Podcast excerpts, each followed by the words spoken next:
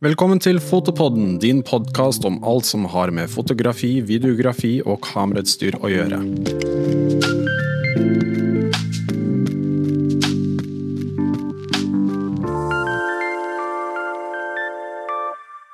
Fotografering handler om å tegne med lys, og det er en evig jakt for alle fotografer å finne det perfekte lyset som gir deg det perfekte bildet. Noen sverger til naturlig lys, andre foretrekker en kontrollert setting. Det finnes ikke noe riktig eller galt her, bare mange, mange, mange, mange forskjellige metoder for å få det resultatet du ønsker. Så i dag skal vi snakke om utviklingen, forklare litt begreper og komme med tips til hvordan riktig lys kan gi deg et profesjonelt resultat. Og med oss i dag er vi så heldige å ha med en av de flinkeste på feltet. Arild, velkommen. Oi, tusen takk. Ja. Og for de som ikke vet uh, hvem du er, uh, og ikke har vært innom Interfoto en periode, hvem er, uh, hvem er Arild? Ja, um, jeg er en kar som har holdt på i, med nøyaktig det samme jeg gjør nå, siden 1983. Da jeg begynte hos Lars Farnes AS, mm. som i 2007 ble kjøpt opp av Interfoto. Og nå i 2019 er en del av foto.no. Og jeg har vært så heldig å holde på med de samme produktene, og min greie er studio, studioløsninger, lys, både inne og ute. Um, både blitslys og, og, fastlys med tanke på video. Og, mm. Men også fotografering. Og der er det jo skjedd så mye spennende ting. Altså teknologisk så er det skjedd spennende ting. Så jeg har liksom vært med fra kunstlys og eh, filmlys osv. Så, videre. så jeg begynte da i 1983 hos Lars Farnes AS. Og da var jeg en eh, nerd som hadde sans for eh, fotografi, hadde syntes det her var veldig spennende. Og um, hadde flaks at jeg hadde en hyggelig sjef som heter Gunnar Frydenlund, og Lars Farnes sjøl. Og så hadde jeg så mye gode kunder rundt meg som jeg kom i kontakt med, som skjønte at denne grønnskålingen Arild Bergseth, som spør om så mye rare ting, han skal vi hjelpe litt. Rann skal forklare han om ditt og datt. Mm. Så resultatet var det at uh, jeg fikk så gode svar på ting, forklaringer, ble med på kurs, jeg ble med på workshoper. Så jeg er jo egentlig selvlært. Jeg har ingen formell utdannelse i foto. Jeg har bare vært med på veldig mange kurs og workshops. Og alltid vært nysgjerrig. Og vært nysgjerrig. Mm. Og det er det at jeg Det er helt umulig å overraske meg med såkalte dumme spørsmål. Ja. Fordi jeg har garantert spurt de i min tid sjøl. Mm. Uh, det har vi alle. Ja. ja. Sånn at uh, kjære folk som uh, kommer i kontakt med meg, det er helt umulig å overraske meg med mm. såkalte dumme spørsmål. Mm. Det fins ikke dumme spørsmål, det fins bare flåsete svar. Ja. Så Og vi, vi, vi, vi, alle er jo i forskjellige stadier når det kommer til å samle inn kunnskap og forskjellige ting. Og vi er, alle er jo flinke på én ting og trenger å vite mer om en annen ting.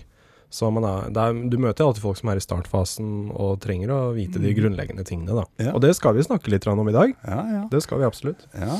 Disse, disse viktige byggeklossene helt i grunnmuren mm. er jo skikkelig viktig. For ellers detter hele huset sammen. Absolutt. Eller man liksom savner eh, stabilitet i huset. Ja.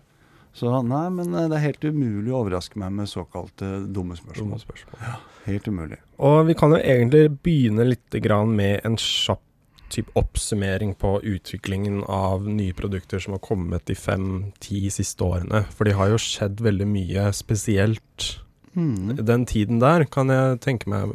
Eh, basert på hvordan det har kommet eh, før, med tanke på LED-lys, og også hvordan Uh, alle blitsene nå også har kontinuerlig lys til å bruke til video og sånne ting. Mm. Snakk litt grann om Bare gi oss en liten kjapp oppsummering. Ja, hvis vi, hvis vi, starter med liksom det første type lys som kom, nemlig, nemlig um, ilden, er jo en lyskilde. Ja. Som til og med er kontinuerlig lys. Mm. Altså det har Hvis du kjører stearinlyslys gjennom et prisme, sånn som vi gjorde på fysikken på ungdomsskolen, så får vi en kjempefin regnbue. Mm. Men det er mye rødt i den, og det er veldig lite blått i den. Men det er litt det òg. Så da kom jo denne glødelampa som eh, ble funnet opp på veldig mange år siden. Og glødelampe, den har en fargetemperatur på en 2800 grader kelvin. Mm. Og så etter hvert så fant vi opp halogenlampa, som har fargetemperatur ca. Sånn 3200 grader kelvin. Altså ganske varmt lys, men det er det vi har hjemme i stua. Ja. Er koselyset hjemme i stua. Og de fleste kontorer, sånne Ja, kontorer har etter hvert fått lysstoffrør. Ja. Men det som er viktig, er jo at eh, både glødelampe og halogenlys er igjen kontinuerlig spekter. Mm. Kjører du det lyset gjennom et prisme, så får du en vakker regnbue. ja. Eh, Ok, mye rød varmtone, men også blått der, selv om det er lite. Og det er litt viktig med tanke på litt sånn seinere, fordi dette med kontorlys er jo da en eh, litt sånn ny lyskilde som ble funnet opp, nemlig lysstoffrør. Som er en gass inni et rør som blir trigga av strøm, og så vandrer elektronene ut i det belegget Mm. som er på innsida av glasset. Og det er det som lyser. Ja. Selve gassen lyser ikke. Men det er den reaksjonen som skjer innvendig i røret på innsida av glasset. Det hvite belegget der. Det er det som begynner å lyse. Mm.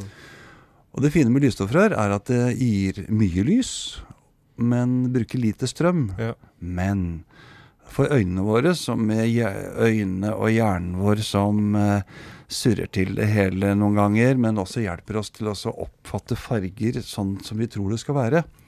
Eh, Vi lar oss lure til å egentlig se et eh, fint fargekart også i lysstoffrør. Og ser at ja, men det er fin rødfarge, fin og sånn, sånn, sånn. Eh, Men eh, kameraene våre ser ikke det. Så der uh, tuller det seg til. For kjører vi nemlig lysstoffrørlys gjennom et prisme, så får vi en veldig rar, hakkete regnbue. Og det begynner å indikere på at oi, det er et eller annet som mangler. Og det er også når du filmer og har på en shutter speed som er eh, litt kjapp, så vil du jo se også at det flimrer på skjermen på sånne, med sånne lysstoffrør. Ja, det gjør det, men det ser du også på halogenlamper. Mm.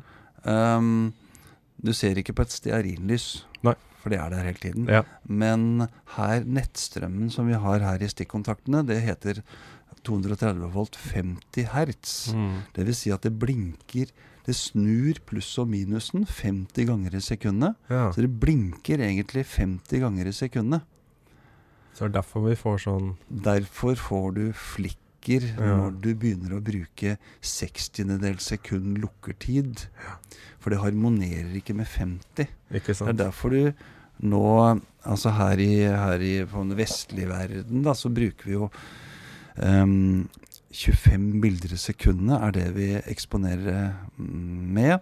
Og så da må vi ha en lukkertid som er halvparten av det, nemlig 50-dels sekund lukkertid. Mm. Mens i USA så er det 60 hertz i nettet. Det er derfor de filmer med 30 bilder i sekundet og, ja, Ja. og et 60-dels sekund eh, lukkertid. For å harmonere med den, den vibrasjonen som skjer i lyset. Mm. Fra f.eks. Eh, svake og glødelamper, eh, altså halogenlamper, eh, og lysstoffrør. Og en, sikkert en del som gasspærer også, som du finner i sånne idrettshaller og litt av hvert. Ja, fordi det er der man ofte ser det. Idrettshaller, kontorlandskap, Mm. eh, butikker, Mm. liksom sånne type steder. Da, så vil du Ja. merke det er litt sånn eh, flikring. Og da er det jo bare å justere Ja. eh, shutter speeden, er det ikke det? Jo, det er det. det, Mm. er det. Harmon få det til å harmonere med frekvensen på nettet. Altså 50-dels sekund lukkertid, eller 100-dels sekund går for så vidt. Mm. Det er fargespekter. eh, Det er liksom regnbuens uh, farger. Mens uh, så har vi kelvingrader. Mm. Det er det som dagslyset går gjennom fra morgenstunden til midt på dagen, og sola går ned igjen på kvelden. Mm. Så kelvingrader er noe vi forbinder egentlig hvordan dagslyset opphører seg i løpet av dagen. Eh, Det starter liksom veldig varmt, kanskje 2800 grader kelvin, til sola går midt opp på himmelen, og det er blå himmel eh, og fin sol. Da er fargetemperaturen sånn ca. 5500 grader kelvin. Og så går sola ned igjen, skyfri dag, så blir det varmere og varmere. Mm. For det har noe med antall mil som lufta lyset går gjennom. Antall mil med luft som Mm. lyset går gjennom. Og nede i horisonten så passerer sollyset gjennom veldig mange mil luft. Og da blir det filtrert vekk det, mer og mer av det blå lyset. Mm. Og dere solbadere f.eks. er ingen vits i å ligge og sole seg på kvelden og ettermiddagen selv om det er varmt og fint. Mm. Fordi UV-lyset, det forsvinner. Og det er jo kameraene våre eh, bruker jo fortsatt eh, Kelvin Ja, for, å, for å treffe hvitbalansen. Ja da, det er det. Vi Det er, de vanlige, vanlige er da 3200. 3002, 4004 og 5005 er liksom Ja, ja. 5005 er dagslys og for så vidt blitslys. mm. Eh, 3002 Det vi filmer med nå? Ja, det, nå filmer vi med 5005-5600 grader kelvin. Yep. Med den aperturelampa som står oppe i taket her. Mm. Eh, og det er veldig vanlig i en sånn studiosetting. Ja. Når det gjelder tilbake sånn til filmhistorien, altså lys gjennom filmhistorien, så innenfor kontinuerlig lys, da, så var det veldig vanlig å ha svære halogenlamper i disse fotostudioene, eller filmstudioene nede i Hollywood. Hollywood er jo California, det er grisevarmt fra før. Så da når det fyrer opp en hel haug med lys opp i taket, så Mm. blir det grisevarmt. Og det Mm. var massive luftanlegg som måtte monteres opp på takene til disse studioene. Så da kom det jo fram at det fins også et alternativ, nemlig eh, HMI. HMI er en pære. Det ser ut som en vanlig glødelampe, men inni så er det gass. Og så må strømmen lages litt spesiell, slik at den holder liv i den gassen Mm. inni HMI-pæra. Plasma, egentlig, er det. ja. Og den, men det fine med den er at det, den, den gir masse lys, men mye mindre varme enn halogen. Så derfor var liksom filmbransjen superinteressert i dette, og bytta ut disse glødelampene sine med noe som ga mye mindre varme og masse lys. Og samtidig så gir HMI fra seg dagslys fargetemperatur. Altså rundt sånn 5009 til 5006 et eller annet sted er fargetemperaturen på HMI. Og det er jo det du ser rundt i dag når du kjører forbi en filminnspilling. Mm. Um, så står det svære lamper utafor og lyser gjennom et vindu. Kanskje til og med gjennom et sånt hvitt seil som er spent opp mellom, mellom liksom vindu og den der svære lampa som står på høyt stativ ute. Og så gir det inni det huset da, så gir det en dagslysvirkning. For det dagslyset er ikke så langt unna HMI. Mm. Så det HMI har betydd mye for filmbransjen.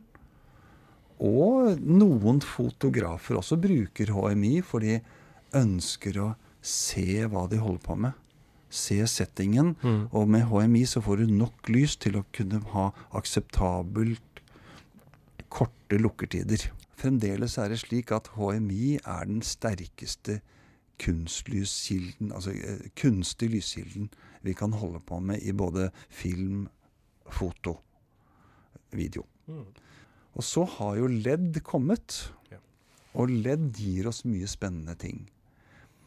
HMI er en fast fargetemperatur 5900. Skal man få det varmere lys der, så må man inn med filterfolier foran. Men det er greit. HMI kjører HMI-lys gjennom et prisme, så får også en vakker regnbue. Så det betyr at det er fullspekterlys i en HMI. LED har da kommet og gir masse frihet, fordi LED er mye lys, kompakte ting. Det blir ikke varmt å ta i når du, brenner deg ikke på fingra, sånn som du gjør med en halogenlampe eller LED-lampe, eh, HMI-lampe når du opererer. Så LED eh, gir deg mange friheter. Og så har man da forsket seg fram til ledd som, som har fullspekter. Det finnes mye dårlige LED-produkter ute i markedet. Eh, og her hos eh, foto.no og Interfoto så er vi veldig nøye med hvilke ledd vi selger til folk. Mm. Fordi jeg har sett noen som eh, Jeg hadde en venn av meg som kjøpte noen billig Ja. billige LED-lamper, og da Mm. sa de at liksom bildene deres så veldig grønne ut. ja. ja. Det blir, hudtonene blir litt corny. Mm. Eh, det vil jo også mye av de leddene dere har hjemme hos dere, mm, er ikke fullspekterlys. Nei. Så noe av det til hverdags, noe av det som folk ja, finner sakte og rolig ut at det er et eller annet rart, det Mm. er eh, når de skifter ut over komfyren sin, der de står og steker kjøtt og mat og sånt nå. eh, Der de skifter ut Nei, vi tar kaster de gamle halogenpærene. Eh, Vi har, vi har fått noen nye LED-lamper som er kjempefine å sette over. Det er masse fint lys og greier. Ja, men de LED-lampene de har ikke fullspektig lys. Så, og det du mangler i dårlig LED, er gjerne de brunrøde nyansene. Mm. Så når du holder på å steke kjøttet, så vil du sakte og rolig se at det, Oi, jeg ser jo ikke forskjell på om kjøttet er godt stekt eller lite stekt. Fordi fargenyansene der hjelper meg ikke. Mm. Halogenlyset har rikholdig med de fargebølgene, altså bølgelengden i seg, og gir deg tilbake inn i øyet god informasjon om hvordan kjøttets nyanser ser ut. Men et LED-lys har ikke rødbrunt informasjon i seg, og derfor vil det heller ikke falle rødbrune på en måte bølgelengder på kjøttet, som reflekteres tilbake inn i øynene dine. Mm.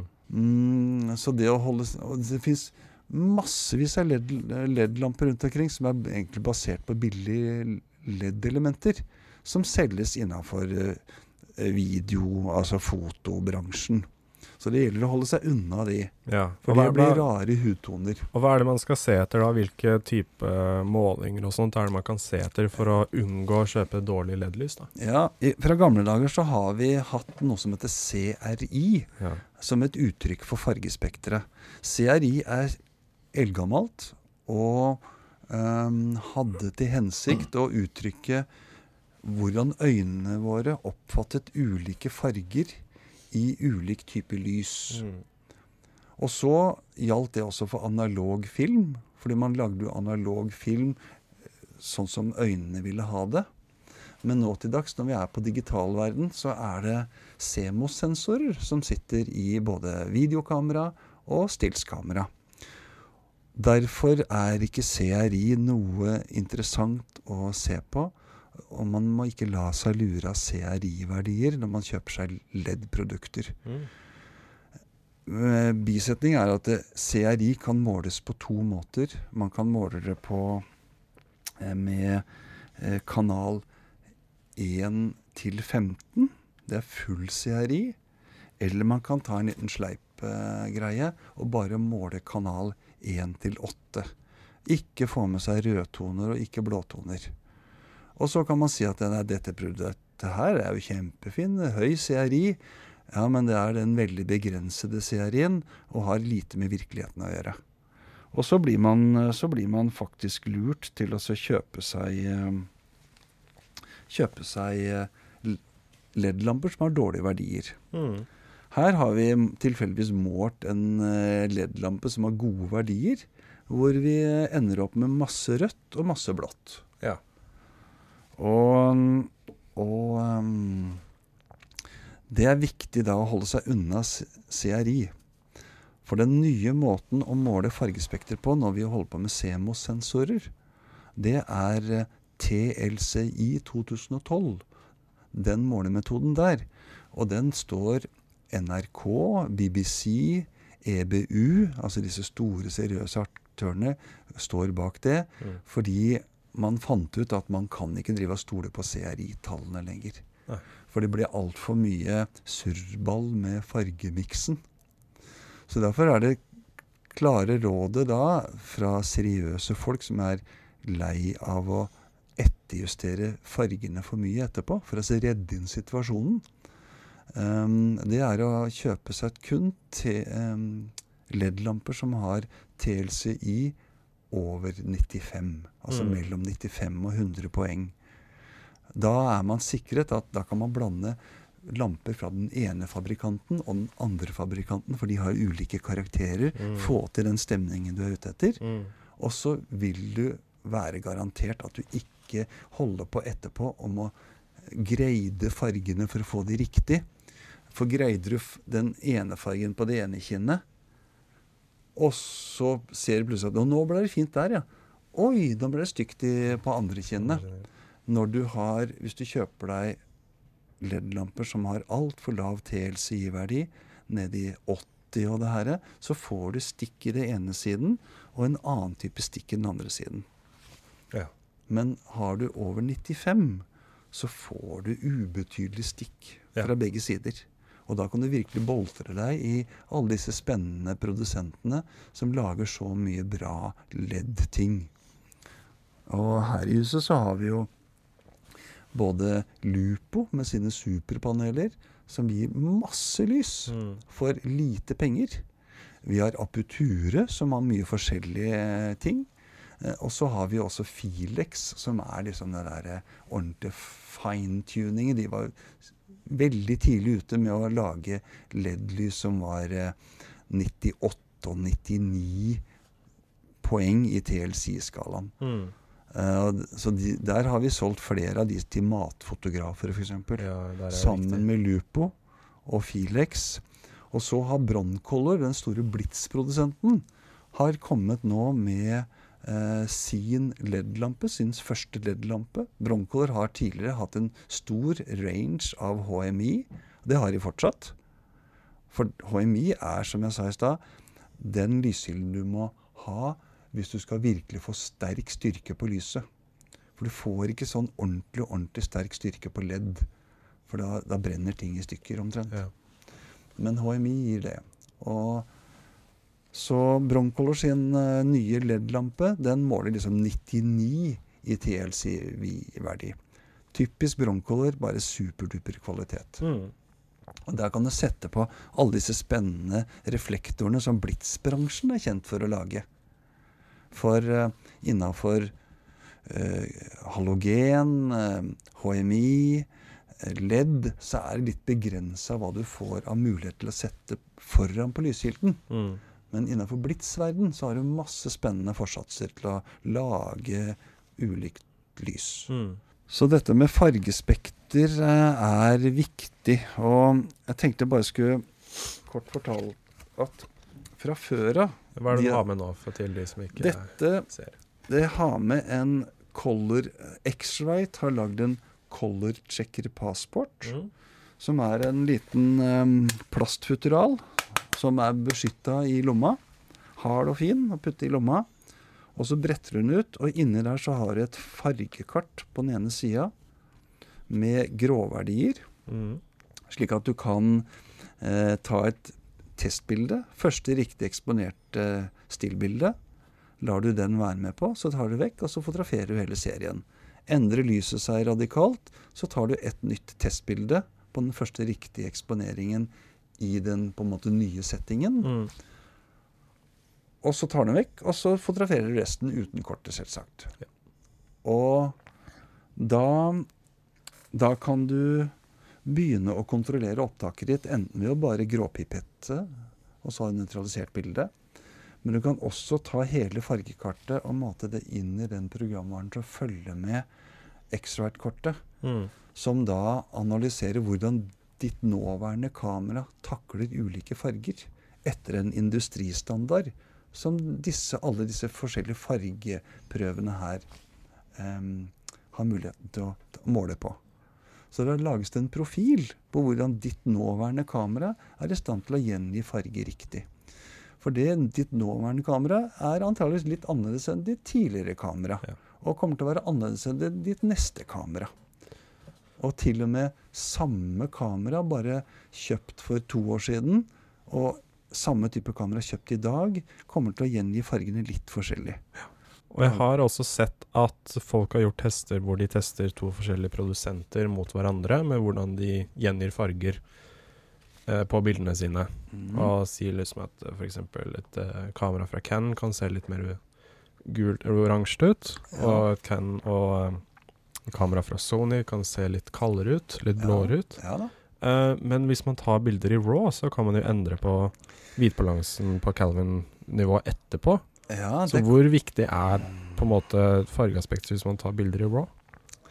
altså det er fremdeles viktig, for hvis du stiller fargetemperaturen manuelt på et råopptak uh, Det ene bildet av samme motiv, og setter den på veldig lav Kelvin altså 3002, da, altså kunstlys, og så smetter eh, fargebalansen opp på 5005, så dukker de to bildene opp forskjellig i råfyllkonverteren. Mm. Fordi den bare Kelvin-gradene eh, gjør at det blir lagt et kosmetisk lag på toppen.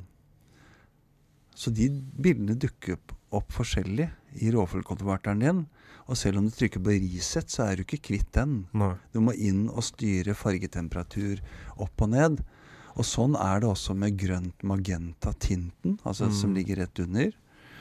Og sånn er det også med Hvis du går inn i kameraet ditt og under profil og setter den vekk fra standard, som er egentlig For alle vi holder stort sett på med egentlig litt avanserte amatørkameraer. Og de kameraene de er lagd for det store massemarkedet for at det skal se gildt og flott ut. Så derfor standardinnstillingen, der er det lagd slik at himmelen blir blåere, huden blir Ja, det spørs. Huden kan bli kaldere, huden kan bli varmere. Ja. Så det er litt sånn opp til produsenten å gjøre. Men eh, det hjelper veldig å sette på nøytral. Ja. på nøytral. Og da vil du se at bildene dukker opp i råfyllkonverteren annerledes. Hvis du driver og mikser mellom dette. Og da vil du nok få deg en aha-opplevelse og tenke at Oi, ja, kanskje jeg må være mye mer konsekvent på at jeg f.eks. setter kameraene mine på, på nøytral. Og så må jeg jobbe mer med manuell fargetemperatur.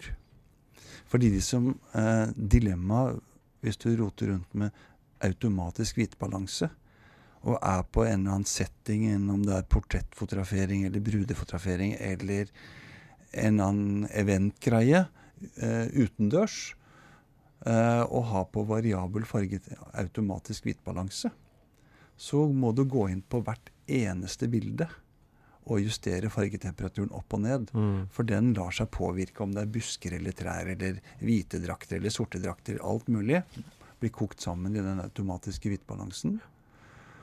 Og da kan det være mye smartere å sette den på manuell hvitbalanse, hvor du tar jo råfil. Og da blir alle bildene dine samme fargetone. Da kan du ta tak i første bilde og justere fargetonen opp og ned, sånn som du vil ha det. Og så kan du overføre den fargesettingen på hele serien. Da, og hvis noen av dere får dere aha-opplevelse av å begynne å jobbe på den måten, så kan dere, så kan dere godt få julekort av dere til jul. Altså, Hvis dere plutselig har fått uh, mye mer i fritid Mm. og slipper å kaste bort masse nattetimer Ja. på å gå inn og justere hvert eneste bilde. Alt som uh, Alle tips som uh, gjør at redigeringen går fortere og mer effektivt, setter man alltid veldig pris på. Det er i Ja. hvert fall jeg også. Mm, mm. Absolutt. Så, men det var jo en eh, Ja, det var en liten sidespor. Men, Mm. eh, ja, men det er viktig. Dette Mm. med Og eh, for det jeg egentlig starta med, var jo da å si at det, ditt nåværende kamera gir forskjellige farger enn det forrige kameraet ditt og det neste kameraet ditt. Og da er denne X-Ride Passporten innmari fin. Ja. Fordi den vil da kunne gjøre at du kan profilere ditt nåværende kamera. Og hvis du har et litt samme kamera, men kjøpt for et par år siden, og du har en setting der du fotograferer med to kameraer Mm. i sam på samme jobb, Ja. så vil de to kameraene gi litt ulike farger. Men, men kunden skal jo bare foreligges én type fargelook på det her. Og da er det veldig lurt. Da lager du en profil på begge kameraene, og plutselig er begge kameraene kjørt opp mot denne kalde industristandarden Ja. som X-Rite har på en måte funnet fram til. Da vil de to kameraene veldig temmelig like farger. Så da blir det stikket ubetydelig fra det ene til det andre. Ja, og den, den feilen der har jeg gått på et par ganger, hvor jeg har filmet med kameraer fra forskjellige produsenter. Mm. Og kjørt flat profil på alle kameraene, men allikevel, når du putter det inn i redigeringa og skal putte på farger, så ser det helt annerledes ut. Ja. Der har jo X-Rite også nå kommet med en eh, For denne Passport 2, som han heter, den er jo opprinnelig laget for stillsfoto. Ja. Mest, mest for. Men de har lagd en Passport video Ja. for nettopp videokameraene. Eh, og da har du mye større sjanse for å profilere og lage en profil for de to forskjellige kameraene, og få de til å ligne mye mer på hverandre. Mm. Ting er fargegjengivelsen. Like viktig er jo kontrastgjengivelsen. Ja, Med den gråskalaen som også er på den sida der. Der, ja. Men hva har dette med lyssetting å gjøre? Mm. Jo, absolutt mye. For uh, dette å kunne ha kontroll på kontrasten er jo, uansett om en jobber i sort-hvitt eller i farger, svært viktig. At de to kameraene gjengir samme kontrastomfanget. Hvis du f.eks. skal avfotografere malerier, Mm. så er det jo svært viktig å kunne gå inn og måle gråskalaen. For så å kunne gå inn etterpå på en kalibrert skjerm og måle hvilke verdier du har, og justere lyshet, mørkhet, kontrast, altså tone, gammakurven, slik at du får, får de punktene sånn som det skal være etter en industristandard. Mm. For den fila, den 16-bits eh, TIFF-filen som du putter inn i arkivet, som er på en måte originalfilen din, den, da har du låst litt kontrastomfanget. Men hvis du da har justert kontrastomfanget til virkeligheten, så blir den 16-bit-stiff-filen en verdifull original. Råfilen din er jo for så vidt råfilen din, men det er egentlig ikke et ordentlig original. For råfilen kan eh, dras i alle retninger. Mm. Alt etter hvilken råfilkonverter du bruker. Og ehm, jeg tenkte vi kan eh, som du sa, snakke litt om Blitz, fordi Ja. LED-lys har jo også nå, som jeg har sett det, eh, Med tanke på at man eh, både gjør foto og film med alle forskjellige kameraene, så vil man jo også foretrekke å ha et lys som også funker til begge deler. Ja. Og jeg blant annet har brukt eh, kontinuerlig lys på fotoshoots i studio. Ja. Og fått veldig fine bilder fra Ja, det, men ja. da får, slipper man også den konstant blitsen også. Det er mye Mm. mer behagelig for modellen også, da. Mm, mm. Eh, men ehm, eh, Ja, så uh, hvordan har utviklingen på blits uh, skjedd de fem-ti siste årene? Jeg vet at det har blitt mye mer vanlig at det er batteridrevent, f.eks. Ja. Altså, Blitz har jo skjedd veldig mye morsomt. Eh, og til slutt så har det kulminert at du har fått en blitslampe som også er en veldig ålreit LED-lampe. Mm. Så det skal vi slutte eller på en måte der, det, det slutter seg på en måte Men blits i utgangspunktet er jo da en, en gass som er fylt inn i et, et hesteskoformet glassrør. En sånn blanding av edelgass. Og den blits Den, eh, den gassen, den tilfører du strøm. Liksom en, lader opp masse strøm i en kondensator inni blitsen. Og så når kameraet er klar for å ta bilde Nå skal jeg ta bilde. Da lukker, lukker lukkeren seg åpen på kamera og sier fra til blitsen at 'nå står jeg oppe, nå vil jeg gjerne fotografere'. Og da går blitsen av lynhurtig. Og den blandingen med edelgasser som man har putta inn i det røret, den gir fra seg dagslys fargetemperatur. Mm. Perfekt spekter. Kjører du det fra seriøse produsenter, det, det blitslyset, altså Profoto, Broncolor, seriøse produsenter, Elinkrom er også flink på det. Um, det lyset, kjører du det gjennom et prisme, så får du en vakker, flott regnbue. Mm. Så det inneholder alle fargespekt, alle bølgelengdene i det synlige spekteret. Og da kan du også begynne å forlange at du får riktige farger tilbake. Og um, den eksplosjonen, den varer ganske kort. Den varer um, grovt sett fra et 500-del sekund ned til kanskje 10 tusendel, 15 tusendel sekund. Så det er um, det er jo da blitsblinket som fryser bevegelsen. Det er Mm. ikke lukkeren i kamera. Lukkeren i kamera skal egentlig bare åpne seg opp, den. Og gjøre seg klar for å ta imot lys. Og så, og så kommer eh, blitsblinket som fryser den derre høydehopperen som hopper, eller en eller annen ting som faller, vann som renner. Ja, Det er de korte blinkene der ja. som fryser bevegelsen. Og jeg har lekt litt med det med å ha blits med en mer lang lukkertid. Mhm. Si en lukkertid på et halvt sekund. Ja. hvor du da får de eh, bevegelsene og liksom modellen din blir fryst og blir skarp og fin, Mm. men så beveger kameraet litt, og bakgrunnen blir litt sånn Mm. uskarp eller blurry, og liksom lysstråler og sånt bare kommer, da. Ja, Og da kan du få veldig kule resultater absolutt. Fordi det er den lukkertiden du har på kamera som, som blir påvirket av det eksisterende lyset. Mm. Og blitsblinket er det som fryser bevegelsen. Ja.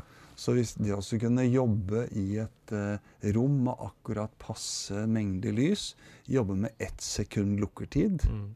og få med akkurat nok med det eksisterende lyset, men så fyre av en blits, enten eh, i begynnelsen på eksponeringen, eller i slutten av eksponering, eller til og med midt i, hvis du skulle ha såpass bra blits, da. At du kan stille den også. Så vil du Den vil jo fryse bevegelsen og, og lage knis, knivskarp definisjon av motivet som hopper og spretter, mens bakgrunnen blir da sånn blurry. Ja. Og da er det jo stilig at uh, hvis du beveger på rette måten, så kan du få en sånn halo-effekt rundt Mm. f.eks. en person som beveger seg, Mm. eh, hvor, uh, hvor du ser altså liksom blurry bakgrunn, da. Altså bevege lite grann bare. Eller du kan bevege kameraet, selvsagt. Mm. Ja. Ja, det var det jeg gjorde. Liksom. Jeg tok Ja. bildet, og så beveget jeg meg inn, Mm. sånn at det så ut som han kom litt nærmere, og det ble litt sånn Ja. uh, motion blur på det, da. Ja. Pluss at han var Mm. lysskarp. For da Dette som har skjedd med Blitz, er jo at det har blitt en forfinet teknologi.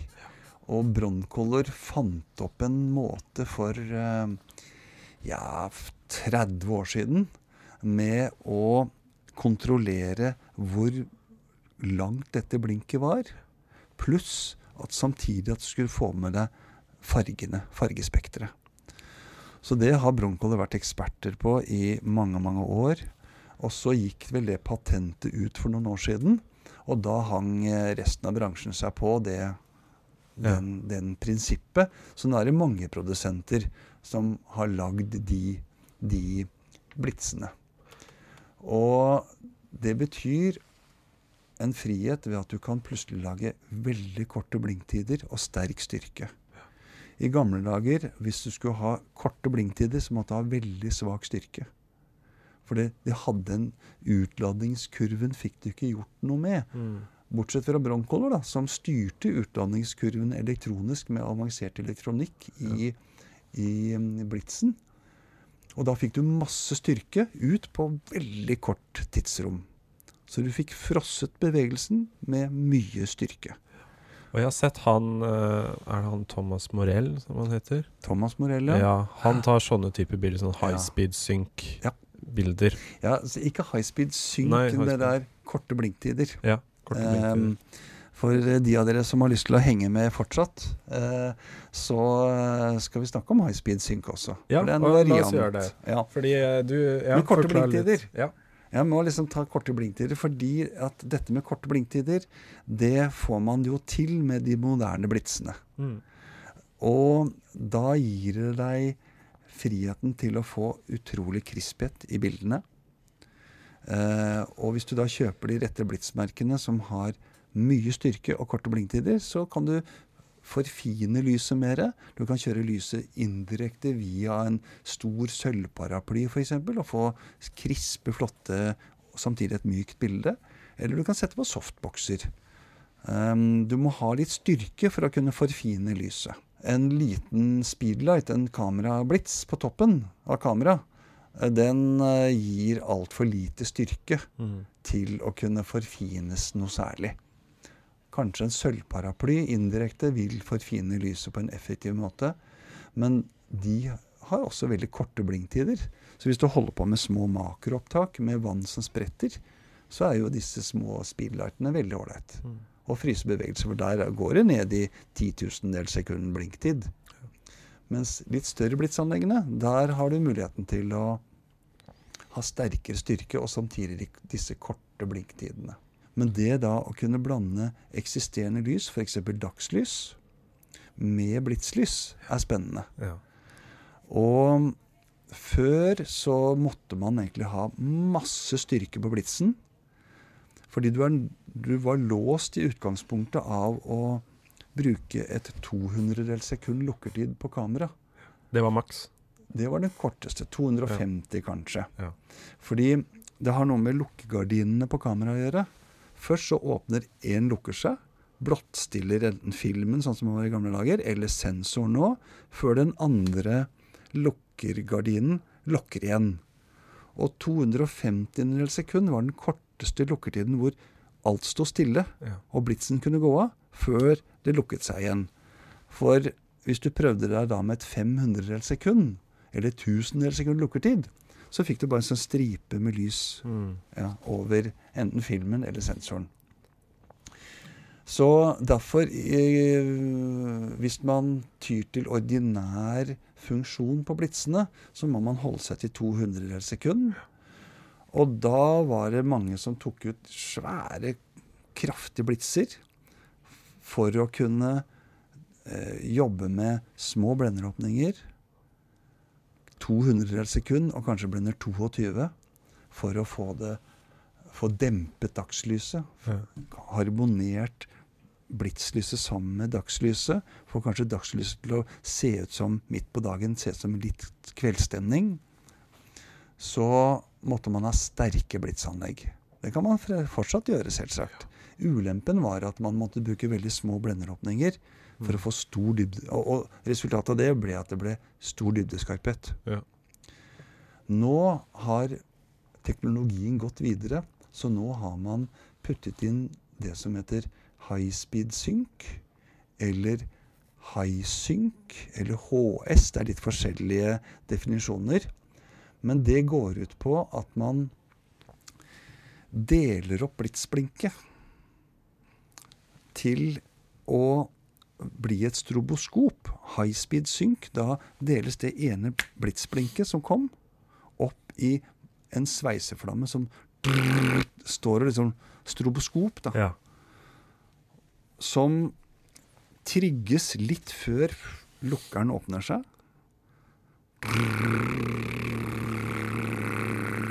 Og så stopper det rett etter at det siste lukkegardin har lukket seg igjen. ja. Så den kommuniserer med kamera med tanke Den kommuniserer med kamera. For det er en liten tidsmaskin, den radiosenderen. Ja. Den tidsmaskinen starter blinket litt før lukkeren åpner seg, Ja. og avslutter det etter at lukkeren har lukket seg igjen. Litt motsatt av det som var før, nemlig at lukkerne måtte åpnes helt før blitsen gikk av. Eh, Så derfor er denne high speed synk, eller HS, eller high sync, den hypersynk heter også, eh, den er med på å revolusjonere blitsfotograferingen. Og vi hadde jo uh, Hannah uh, som holdt foredrag for Profoto, og Ja. viste hvordan du kan bruke dette her i pra praksis. Og hun Ja. viste jo da at eh, hvis du ikke har en sort bakgrunn, Mm. så kan du bruke high speed på, på blitsen din. Ja. Og det eneste lyset som vil da komme, er lyset fra blitsen din. Ja. Alt annet lys i rommet vil være helt sort. Ja. Og da får du en sort, fin bakgrunn. Ja, det var en fin måte som hun viste her om dagen. Absolutt. Og vi har også sett hvordan dette funker på location med Emil Solli, Mm. som gjorde dette her med Ja. eh, Midt på dagen så fikk han det til å se litt sånn mørkt og kult ut, da. Ja Og den eh, Ja, for da, da gir det mange muligheter, denne high speed sync, high sync, HS-funksjonen. Fordi da tennes blinket og er til stede hele tiden. Mm.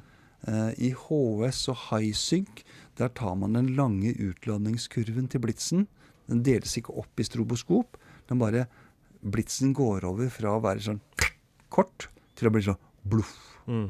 Langt, bluft, slapp blink. Men det er ikke lenger enn at det ser ut som et blink.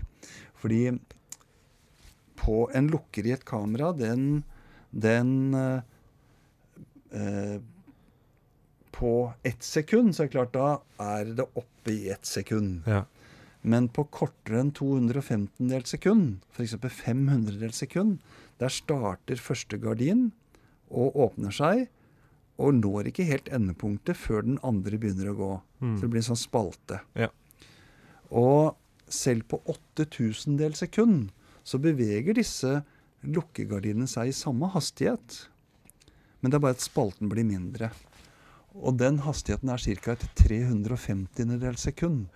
Beveger for, Selv et 8000 sekund lukkertid er på en måte Hele bevegelsen varer 315 sekund. Ja. Derfor er det viktig at blitsblinket gjøres om fra kortest mulig til lengst mulig, hvor blitsblinket gjerne varer en 200 sekund til 150 sekund. Slik at det får tid til å starte før lukkeren åpner seg, og brenner helt til etter at det har lukket seg igjen. Det er det som er hemmeligheten med high speed sync HS, er at det blinket blir langt. Gjort Mm. om til et langt blink. Og Derfor kan du bruke helt ned til 8000 sekund lukkertid på kamera med disse typer blitsene. Og det åpner opp mange kreative muligheter ved at du f.eks. er du portrettfotograf, så kan du gå ut når det er solskinnsdag, bruke blender 2,8 for å få liten dybdeskarphet. Bruke 8000 sekund lukkertid. Da vil du skape en kveldsstemning Ikke sant. midt på dagen. Er ikke det kult? Det er kjempekult. Og så, og så legger du på en blits da, som du jobber nære. Litt sånn Annie Leibovitz-stil. Nære men som sånn blits. Og så får du et vakkert lys i ansiktet på vedkommende. Eller du kan lage tøffe, harde lys bakfra som en sånn silhuettgreier med actionsportutøvere. Ja. Ja, Da kan du fotografere idrettsutøvere som du bare får tak i midt på dagen, til å lage litt kvelds, dramatiske kveldsstemningsbilder. Uten denne teknologien som det gir. Veldig kult. Ja, Så nå har um, både Broncolor, Profoto, Elinkrom og mange andre har denne teknologien i seg. Og hva, hva på en måte Jeg sliter alltid litt med, med tanke på at det er, teknologien har beveget seg så mye nå. Hva er det på en måte det neste steget nå, egentlig?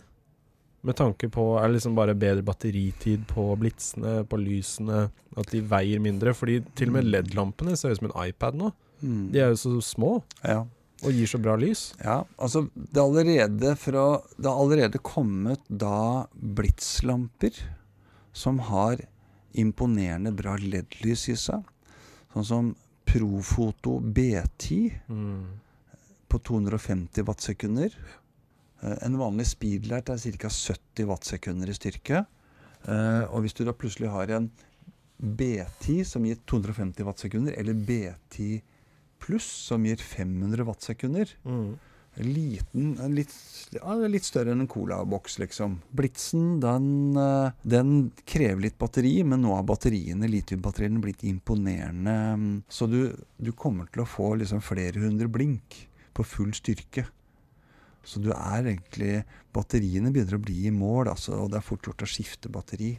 Det vi eh, ikke kom til i stad når det gjelder LED, er jo at det, fantastiske med LED er at den, eh, den har fullspekter. Den seriøse LED-en har fullspekter. Og det mange produsenter har gjort, er at de har lagd et perfekt fullspekter 3200 grader kelvin LED-serie. Så har de lagd en perfekt 5600 grader kelvin LED-serie. Og så de, så putter de det inn i samme enhet. Mhm. Og så dimmer de mellom den ene og den andre LED-enheten inni lampa. Og resultatet er at du har, du har perfekt fargespekter, trinnløs fargetemperatur fra nede i 3200 opp til 5600. Og noen har gjort det enda smartere, sånn som denne aperturelampa her, som heter F7. Hvor du har Oi sann! Hvor du har em, hvor du har fargetemperatur som går helt ned til 2800 grader kelvin. Og opp til 10 000 grader kelvin. Yes. Sånn at, eh, sånn at eh, hvis vi nå, de av dere som ser da Nå er vi ja, eh, 3000 sto Jeg sa, sa feil. 3002 går ned til, Ja. altså vanlig innelys. Og så drar du fargetemperaturen oppover. Oppover forbi 5600, helt opp til 9500 grader kelvin. yes. For nå begynner den å bli litt sånn kveldslysstemning. Ja, ja. Og så har du retningsstyrt lys, så det blir veldig sterkt. Det- Hvis det jeg bare fyrer opp den på full styrke nå, så blir det helt utbrent i kameraet der borte. Det blir det. Men uh, da med å putte på en eh, diffusor, så kan jeg dra på styrken litt. Sånn. Og så kan jeg liksom lyssette meg sjøl Mm. med et veldig kaldt Men sett nå at vi er ute Ja. i, dag, i, i kveldslys, sånn som det, den tida vi er i nå, hvor det blir med ganske kjølig lys på kvelden, så må du ha noe som er kaldere enn 5600 for å harmonere. For å lage usynlig lyssetting. Mm. Ja, som ikke skal se ut som det er lys. skal ikke se ut som det er lys. Ja. Det skal bare hjelpe til Mm. med kontrastomfanget. Mm. Og vi skal jo liksom lage Neste podkast skal vi jo snakke om litt sånn praktisk lyssetting. Ja. Og da skal vi komme inn på dette med dette med sørge for at du fyller opp skyggene, slik at du får tegning i em, skyggene, samtidig som en tegning i høylysene. Og dette hvordan reflektorene opphører seg. Er det, dette noe, et av temaene du skal ta på, på fotocamp? Ja, på foto- ha- ja, Daylight hour skal vi ha da Ja. på um, morgenen på fotocamp. Og det, ja, det er det. Ja, absolutt. Snakker om det. Ja. Um, eh, noe av det vi har snakket om eh, nå her, men også um, vise i praksis hvordan liksom lyset virker. Mm. Dette med kantlys osv. Hvordan man lyssetter og bruker en lyskildes egenskaper best mulig. Veldig bra. Ja. Det gleder vi oss til. Ja, så det er i hvert fall det jeg ønsker meg innenfor blitsverden. Eh, det var jo det her å, få, få en kompakt blits som også har ledd med variabel fargetemperatur og variabel styrke, som vi egentlig er i dag med Pro B10 Mhm. og B10 pluss. Um, Foreløpig er det litt begrenset hvor sterkt dette LED-lyset er. Det kommer til å være helt glimrende å bruke innendørs. Men drømmen er jo etter hvert å få LED-lys som er så kraftig at det kan også brukes utendørs. Mm. Men dit er en stund. Ja. Foreløpig nå så må man uh, kjøpe seg um, rene LED-lamper som er kraftige nok. F.eks. Lupo superpanel, som er det smarteste kjøpet man får. Med fullt fargespekter og sterk styrke. Og muligheter til å så forme lyset. Mm. Så, og Aputure er jo, eh, er jo et interessant uh, merke som vi selger mye av. Um, dessverre så har Aputure på en måte ikke muligheten for bicolor på sine sterke ting. Altså nå, uh, den Aputure 120 som vi har rigga til her i rommet, den er kun 5600 grader kelvin. Jeg skjønner jo det fordi at man vil ha sterk styrke. Ja. Og så tar man heller og lar vedkommende som bruker den, legge på fargefilterfolie, sånn som man egentlig gjorde med blits. da. Mm. Ja. Men det er veldig deilig å kunne lyssette stemning, fordi dra fargetemperaturen sånn Å, nå ser det helt likt ut som omgivelsene. Ja. Nå er det usynlig lyssetting, det jeg får til nå. Ikke sant. Det er viktig. Både med styrke, men også med farge. Slik at du opprettholder stemningen som du prøver å er ute etter. Og at du trenger kun ett lys til alle eh, typer jobber som du har. Med tanke på at du kan variere hvitbalansen basert på der du skal Ja. filme. Så det er jo ikke alltid Ja. du helt vet Nei. hva, hva Nei. du går til. Nei, du vet ikke det. Og, og hvis jobben varer noen eh, par-tre timer, Mm. så har dagslyset endret seg. Hvis det er dagslys du driver og holder på med. Ut mot ettermiddagen så blir plutselig lyset varmere, og da blir det rart å sette på et kaldt lys. Så derfor eh, et godt råd er jo hvis du jobber i studio eh, inne hele tiden, eller er innstilt på å bruke fargefiltre og legge på lampene, så er det helt glimrende med disse som holder 5600 grader kelleren, For det gir jo sterkest styrke. Mm. Men se på bikoller, fordi um, disse er gjerne 5600 på det kaldeste. Hvis du drar fargetemperaturen ned til 5000-4900, så plutselig så har du aktivisert de 3200 leddene også. Mm. Så plutselig så har du like mye lysstyrke på f- 5000 grader kelvin som du egentlig på en bicolor som du egentlig har med en, eh, ren 5600-lampe. Ja, Veldig bra. Eh, vi kan Mhm. jo snakke om dette her en evighet, men Ja, ja, eh, ja. vi må runde av og skal over på ukens anbefalinger.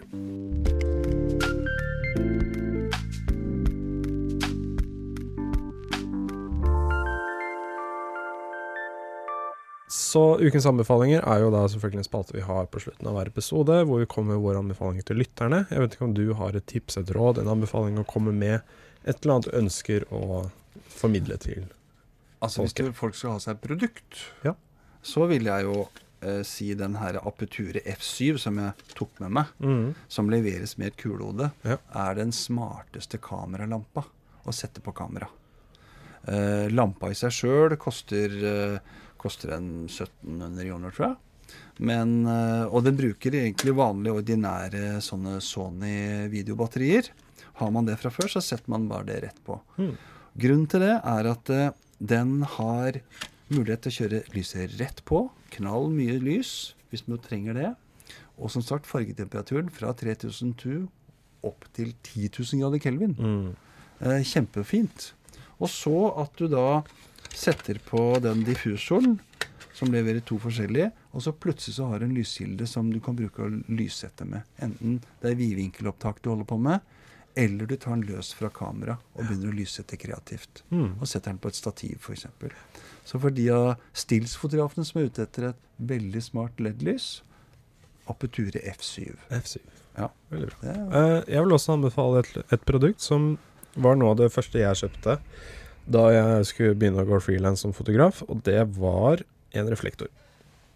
Rett og slett. Og det er ikke alltid du har lys tilgjengelig, det er ikke alltid du liksom har mulighet til det, men hvis du er ute på location og skal ha naturlig lys, så er en reflektor bare det mest perfekte du kan ha med deg. Alltid. refleksskjerm kaller jeg det. Refleksskjerm. Ja, apropos det, reflektor er noe du putter foran på lampa, Mm, som former lyset. mm.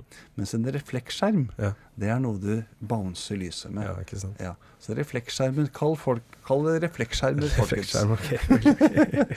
Ja. Så det er noe jeg alltid har med meg hvis jeg skal på shoot. Og da, da har Lastolite et kjempesmart eh, kit der som heter Trigrip Deluxe Kit. Høres litt corny ut, Mm. men det er kjempesmart kit. Det er et stativ med et kulehode og en holder. For det følger da med en sånn trekantet reflek refleksskjerm, som i utgangspunktet er en diffusor. Som du kan bruke å holde i hånda. Ja. Pluss at du da følger med dusjhetter og trekker over, som inkluderer varmtone, sølv, hvit, men også sort. Ja. For det skal vi snakke om når det gjelder lyssetting. Husk på at det, det var mørket som kom før lyset, så vi må ta hensyn til eh, eh, skyggene også. Ja. Det å altså lage skygger Mm. med en sort, kall det refleksskjerm, det er eh, også lyssetting. Yes. Så den trigrip, den kommer på en 2800 kroner, tror jeg. Ja, men det er en verdt investering. Ja, Altså. Med stativ og alt sammen. Veldig bra. Eh, Arild, tusen takk for all kunnskapen du sitter på, at du ønsker å formidle og dele med oss. Det setter vi veldig pris på. Det setter i hvert fall jeg veldig pris på. Takk. Eh, og hvis man har noen spørsmål angående lys, noe man lurer på, så er det bare å skrive under, så svarer vi dere i kommentarfeltet der. Og så følg oss gjerne på alle sosiale medier, og så ses vi igjen neste uke.